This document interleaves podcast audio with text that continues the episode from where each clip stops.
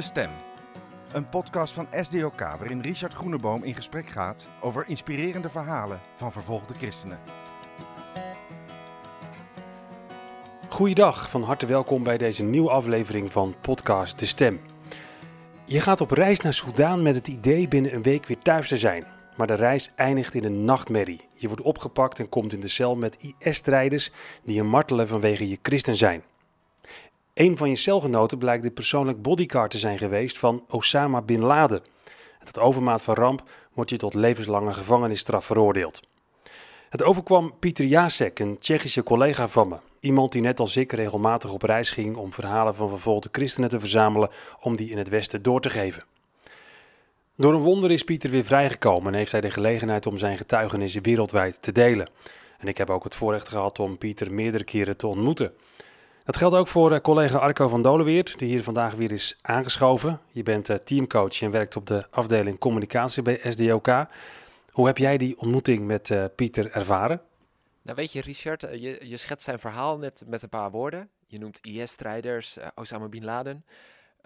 Het is een heel groot en bijzonder verhaal. maar wat ik heel bijzonder vond is in de tijd dat ik met hem heb doorgebracht, in de auto, terwijl we patat aten bij de Laplace, is dat het eigenlijk een, een gewoon mens is. Weet je, we hebben soms de neiging om op basis van grote verhalen mensen groot in te schatten, echt op een voetstuk te zetten. Maar nee, tijdens de ontmoetingen met Pieter Jacek heb ik ontdekt dat hij gewoon mens is, zoals jij en ik. Ja, een, gewoon mens, maar wel met een heel bijzonder verhaal. Hè? Dat schetste ik net een, inderdaad al een beetje bij de inleiding. Misschien is het goed om zijn verhaal even het kort weer te geven. Pieter Jacek die was directeur Afrika bij een zusterorganisatie van SDOK, Voice of the Martyrs. Um, nou, hij ging regelmatig ook op reis om vervolgde christenen te ontmoeten. Veel naar Afrikaanse landen. Met als doel om daar projecten te bekijken, te controleren, financiële hulp te geven, maar ook om, om verhalen te verzamelen, om die hier te vertellen. Nou, hij zou dus naar, naar Soudaan gaan voor vier dagen, kregen we heel makkelijk een, een visum. Um, vervolgens, na die vier dagen, wil dit land weer uitreizen, staat op de luchthaven en wordt daar tegengehouden. beschuldigd van, van, alles en nog wat, dat hij staatsondermijnende activiteiten zou hebben gepleegd bleek toen al dat ze hem al langere tijd hadden gevolgd. Hè. Dat vond ik wel heel opmerkelijk. Dus ze zaten hem echt al op het spoor. Hè? Ja, sterker nog, ze hadden gewoon foto's gemaakt hè, van de ontmoetingen die hij had gehad in die vier dagen dat hij in Sudaan was. Ja, dus ze bleken hem al langer in de picture te hebben. En toen stond hij daar en al snel kwam hij erachter van ja, hier, hier ga ik uh, niet snel wegkomen. Um, werd een heel lang verhoor, hè? echt urenlang. Ja, urenlang joh. En op een gegeven moment is hij hebben ze gezegd, joh, ja, kom maar mee. Is hij in een auto gestopt. Is hij naar de, de, cel gebracht. En nou, daar stond hij in een kleine ruimte. De deur ging met een piep dicht. En hij draait zich om. En hij ziet de celdeur en hij denkt, hey, dit, dit heb ik eerder gezien. Wat blijkt nou? Hij heeft ongeveer een jaar voordat dit gebeurde een droom gehad Um, waarin hij droomde over een cel waar hij in terecht zou komen. En die celdeur was precies hetzelfde. Dus op het moment dat, dat hij die celdeur ziet, hè, daar in weet hij, oh, dit, hier ben ik op voorbereid. De Heere God heeft me laten zien dat dit zou gaan gebeuren. Eigenlijk iets heel geks, hè? want ik kan me ook herinneren dat hij vertelde dat ook de piep van de deur exact hetzelfde was in de droom. Um, en hij vertelde ook dat, dat hij toen eigenlijk wist van ja, God heeft hier een bedoeling mee. Ja, en tegelijkertijd voelde hij bij zichzelf ook schroom, schaamde hij zich er ook een beetje voor. Hij was er ook een beetje bang voor, want hij wist niet hoe hij het moest duiden. Dus op het moment dat hij die droom had, hij heeft er met niemand over gesproken. Pas later ontdekte hij van, hé hey, wacht, er zat meer achter dan ik dacht.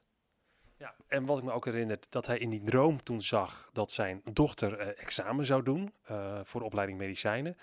Nou, dat zou pas een aantal maanden later uh, plaatsvinden. Dus hij wist ook meteen van, nou, daar ben ik dus ook niet bij. Lijkt me allemaal he heel apart, bijzonder ook. Nou, daarna, dat vertelde hij ook ons en dat bleef bij mij ook wel hangen, bleek hij in een cel terecht te zijn gekomen bij, bij mensen waarvan hij aanvankelijk geen enkel idee had wie het waren.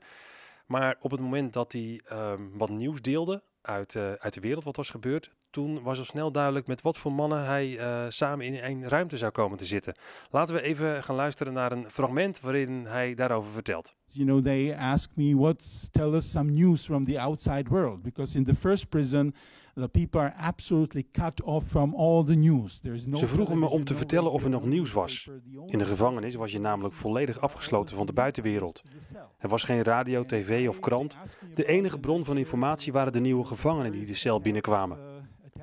Ik deelde het nieuws over de aanslagen in Parijs, waarbij 129 mensen vermoord waren op vijf verschillende plekken.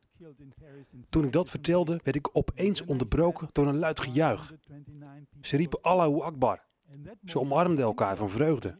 Zo blij waren ze dat 129 ongelovigen gedood waren. Several minutes and rejoicing, hugging each other that 129 infidels were killed.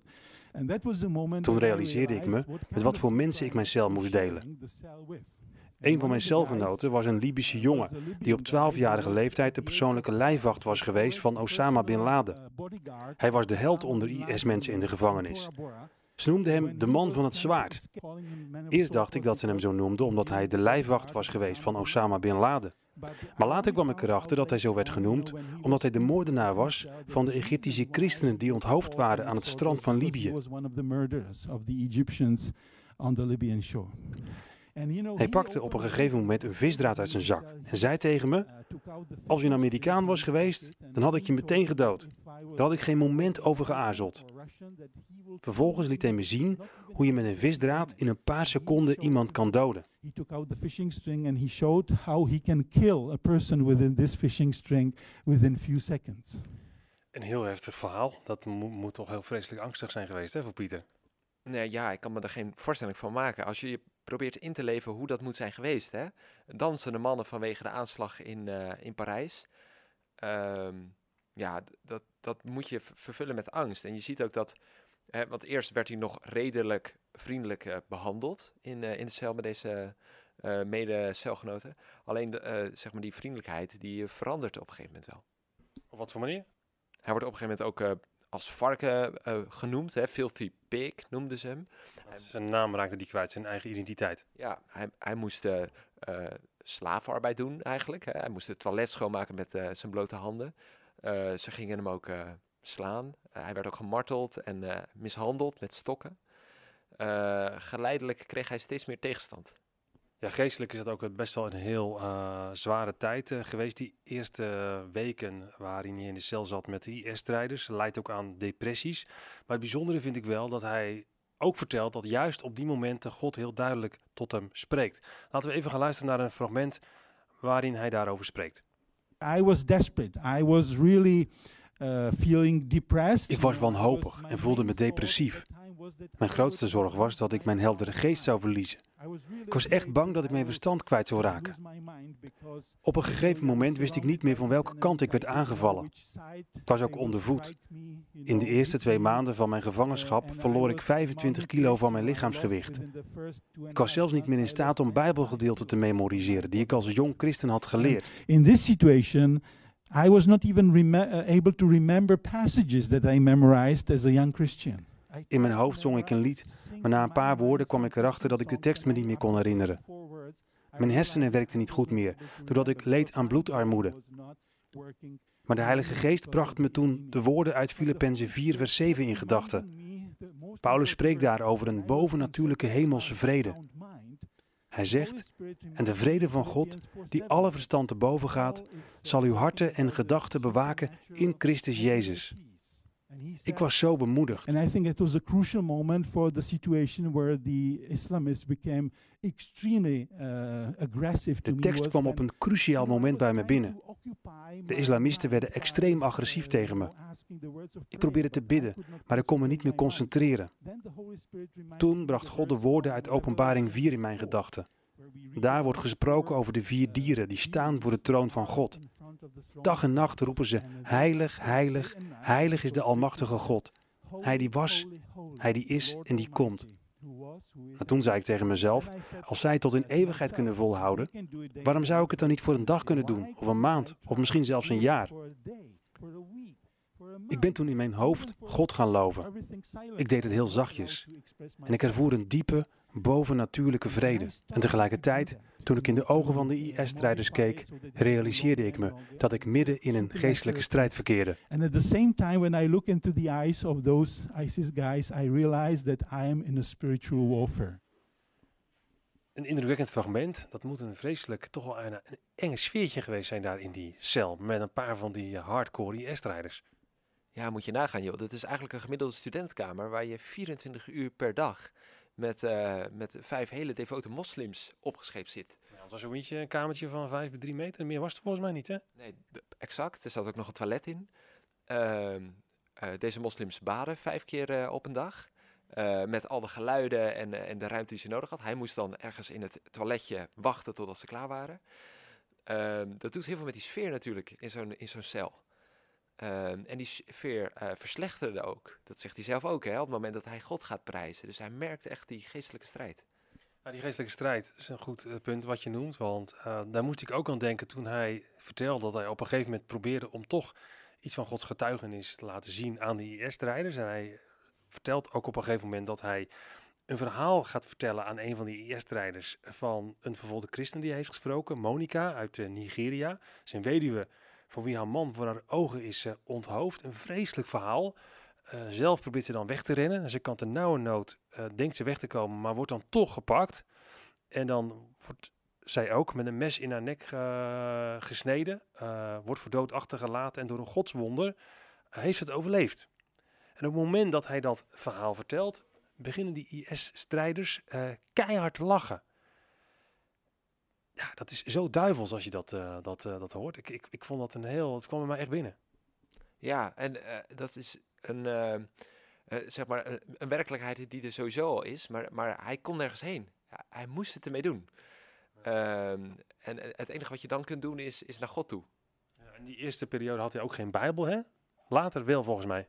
Ja, dat klopt. Later heeft hij in een latere periode van zijn gevangenschap heeft hij een, een Bijbel ontvangen, ook van de, van de Tsjechische consul uit Soudaan. Eh, maar op dit moment heeft hij ook geen Bijbel. Hij zegt zelf ook, ja, de Bijbelteksten die, die hij vroeger had geleerd, had hij ook niet meer. Eh, dus op een bepaalde manier ook eh ont, onthand, zonder zwaard, om het zo maar even te zeggen. En het is ook nog goed om te realiseren dat hij natuurlijk daar zat zonder dat hij contact had met, met zijn vrouw en kinderen. Hij is natuurlijk getrouwd, heeft twee inmiddels volwassen kinderen. Voor hen moet dat natuurlijk ook heel zwaar zijn geweest. Ehm, en er was ook volgens mij maar weinig contact hè, met, met zijn familie. Ja, zeker in de eerste periode. ehm, eh, er waren natuurlijk momenten van verhoor. En zeker in de beginfase van de, de is er ook contact geweest met eh, de, de buitenwereld. Dus er was echt wel mogelijkheid om een bericht te sturen. Eh, maar dat is eens in, de, eh, eens in de maand, misschien eens in de drie maanden. Zeker de eerste keer duurde wat langer. Ehm, en dan heb je het niet over contact, hè? dan heb je het gewoon even over een teken van leven. Een heel moeilijk moment is ook als eh, Pieter eh, bedreigd wordt met, eh, met waterboarding. Voor de mensen die het niet weten, wat is waterboarding precies? Wat- Waterboarding is een marteltechniek die wordt gebruikt. Wat gebeurt er dan is dan eh, eh, moet je op de grond gaan liggen of er- ergens op gaan liggen. Dan wordt er een doek over je hoofd gelegd en dan wordt op die doeken water gegoten. En zo krijgt degene die gemarteld wordt, wordt het gevoel dat hij verdrinkt. Eh, dat gebeurde, dat, dat waren ze ook van plan om met Pieter te doen.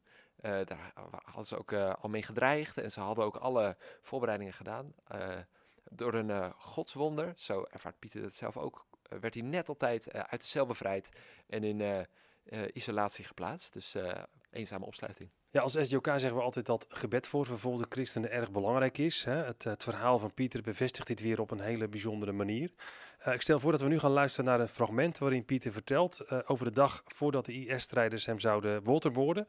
Hij wordt dan hard geslagen met een houten stok, maar het bijzondere is dat hij dan geen pijn voelt. En dat komt doordat medegelovigen op dat moment voor hem in gebed waren. Laten we luisteren naar wat Pieter daar zelf over zegt. So when I was uh, being beaten by a wooden stick, you know, uh, and I was not that much uh, aware of the pain uh, that when uh, it happened probably in the Toen ik werd geslagen met een houten stok, voelde ik veel minder pijn dan de keren dat ik daarvoor werd geslagen. Ik ervoer ook een soort bovennatuurlijke vrede. Ik zag een beeld van God, duurde maar heel kort, maar ik zag Jezus toen hij gearresteerd werd door de autoriteiten. Ik zag dat hij bespuugd en belachelijk werd gemaakt. In de Bijbel staat letterlijk dat hij met een houten stok op zijn hoofd werd geslagen. Ik begreep toen, Jezus is ons vooruit gegaan in deze weg. Hij heeft besloten om zijn leven te geven en te sterven van het kruis om onze redding te brengen. Die gedachte hielp mij om deze situatie te overwinnen. Toen ik werd gearresteerd wist mijn familie daar aanvankelijk maar weinig van. Toen ik niet terugkeerde belde mijn vrouw als eerste de voorganger en onze kerk begon meteen te bidden. Drie weken later organiseerde de voorganger een doorlopend vasten tot het moment dat ik vrijgelaten zou worden. Heel veel mensen baden voor mij. Mijn vrouw bleef naar de kerk gaan. Normaal gesproken gingen we één keer per week naar onze Bijbelstudiegroep. Maar mijn vrouw ging daar nu twee of drie keer per week heen. Normally we would go once a week to our Bible study group, but she went twice a week, three times a week. And Op een dag toen ze een Bijbelstudieavond bijwoonde, zei de oudste die de Bijbelstudiegroep leidde dat hij zich geleid voelde door de Heilige Geest om de studie te onderbreken. Hij zei: Ik merk dat de Heilige Geest ons leidt om nu op de knieën te gaan en te bidden voor Pieter in de situatie waarin hij zich op dit moment nu bevindt. And he said, I feel like the Holy Spirit is leading us now to get on our knees and to pray for Peter and for the situation that he finds himself right now in his cell in. And so, you know, they closed their Bibles and they literally went on their Ze deden hun Bijbels dicht en gingen letterlijk op de knieën. Ze begonnen de overwinning van God uit te roepen over de cel waar ik was. En daarna gingen ze naar huis. Zo'n 15 maanden later zat ik met mijn vrouw in onze woonkamer en we namen de dagen en weken door dat ik in de gevangenis zat. Ze had aantekeningen gemaakt op haar kalender om te onthouden wat er gebeurd was. En ik vertelde haar wat ik mee had gemaakt. Als je gevangen zit, dan doen de dagen en tijden er echt toe. Je bent heel precies in het onthouden van welke dag het is vandaag, welke dag van de week en hoe laat het is. Die avond ontdekte ik dat ik, terwijl ik verhoord werd door IS-leden en ik de aanwezigheid van God zo sterk ervoer dat ik zelfs niet zoveel pijn had, ik in diezelfde nacht ook het visioen kreeg van de leidende Christus. felt such a presence of the Lord. I even didn't feel the pain that much, and I had this uh, vision of. Het was ook uh, dezelfde avond toen de oudste, mijn vrouw en de andere Bijbelstudieleden had aangemoedigd om de overwinning uit te roepen over de cel waarin ik mij bevond. Bible study group to proclaim the Lord's victory in the cell where I was. Ja, het is inspirerend, hè? Over dat, uh, over zeker dat gedeelte over, de, over het gebed, over de kracht van het gebed. Hoe ervaar jij dat? Nou, het, raakt mij wel, omdat je bij hem ziet dat um, het gebed echt kracht heeft. Wij kunnen nog wel eens zeggen, zelf ook wel eens op het trappen, ik, ik bid voor je. En uh, voor je het weet vergeet je dat weer. Hè? Is het een soort sociale wenselijke frase. Maar uh, dat het gebed echt kracht heeft, dat laat het verhaal van Pieter zien. Dat je er echt in gelooft en dat je ook elke keer aan herinnerd wordt om opnieuw te doen, te volharden ook in gebed. En dat God dan ook het gebed wil gebruiken om hele grote wonderen te doen. Dat inspireert mij wel om, om die weg na te volgen. Ja, ik herken dat. Hè. dit is uh, één verhaal. Dat komen bij zoveel verhalen tegen. Dat, dat bidden kracht, kracht heeft. Um, dus het is eigenlijk een aansporing voor jou, voor mij, voor ons allemaal om te volharden in gebed voor vervolgde broers en zussen. Nou, die ondersteunende kracht van het gebed heeft eh, Pieter natuurlijk ook in de rest van zijn gevangenschap uh, ervaren. Hij is later overgeplaatst naar andere gevangenissen, waar het gelukkig de situatie voor hem uh, wat beter was, hoewel er ook wel moeilijke momenten waren. Um, zeker ook de vraag hoe lang gaat dit duren, wanneer word ik vrijgelaten. Uh, dan natuurlijk ook het moment van het vonnis. Hè. Hij wordt tot levenslange gevangenisstraf veroordeeld. Dat was een enorme grote domper en dacht echt van ja, ik ga hier nog, nog jaren zitten. Um, en dan wordt hij wel weer, um, nou ja, um, opgeveerd doordat hij dan in gevangenis komt. Waar ook wat andere christenen zijn, waar hij zelfs de gelegenheid krijgt ook om, ja, om op zondag te preken in een klein kapelletje. Wat dan op de een of andere manier dan toch wel weer kan. Omdat dat ergens in de kleine lettertjes in de grondwet staat uh, in Soudaan. Dat je wel ook als christelijke minderheid een ja, je, je kijkdiensten moet, uh, moet kunnen houden.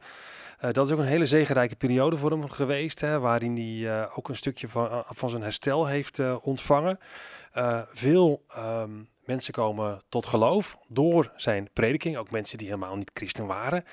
En dat is ook het moment waarop hij denkt van ja, nu weet ik ook waarom dat God mij hier in de gevangenis heeft gebracht. Dat is, vond ik ook wel een heel uh, treffend moment. Ja, ik vind het heel treffend dat hij achteraf zegt, dat is de mooiste periode van mijn leven eigenlijk. Die, die periode in de gevangenis waarin hij in vrijheid het woord kon delen, waarin hij zag dat mensen het woord tot zich namen als een soort van spons. Uh, dat er honger was, dorst naar het woord van God. Uh, waarin hij heeft gezien dat God daar werkte. Hij zegt, ja, dit, is, dit, dit, heb ik als zo bijzonder, als helend, als genezend ervaren. Maar ook wel de hele bijzondere manier van hoe God dan werkt. Dat hij blijkbaar nodig heeft gevonden dat Pieter daar in die gevangenis kwam om vervolgens het evangelie met anderen te delen. Hè, dat is eigenlijk iets wat zo tegen je menselijke natuur ingaat ook. Ja, en eh, je, dat vertelt ons ook dat, dat je... Hè, eh, wij zijn niet in controle. Soms denken we... Tenminste, ik denk soms, ja, ik ben echt in controle van mijn eigen, eigen leven. Uh, onbewust dan, hè. Uh, maar dat, dat is niet zo. God heeft een plan. Het is anders, altijd anders dan je zelf denkt. Uh, en het is heel bijzonder om, om een stukje van dat plan te zien in het leven van Pieter. Ja, het verhaal van Pieter Jaas zit natuurlijk vol met bijzondere verhalen. We moeten een beetje naar een afsluiting gaan. Dus ik stel voor dat we ook maar in de afsluiting nog even een heel bijzonder verhaal uh, delen.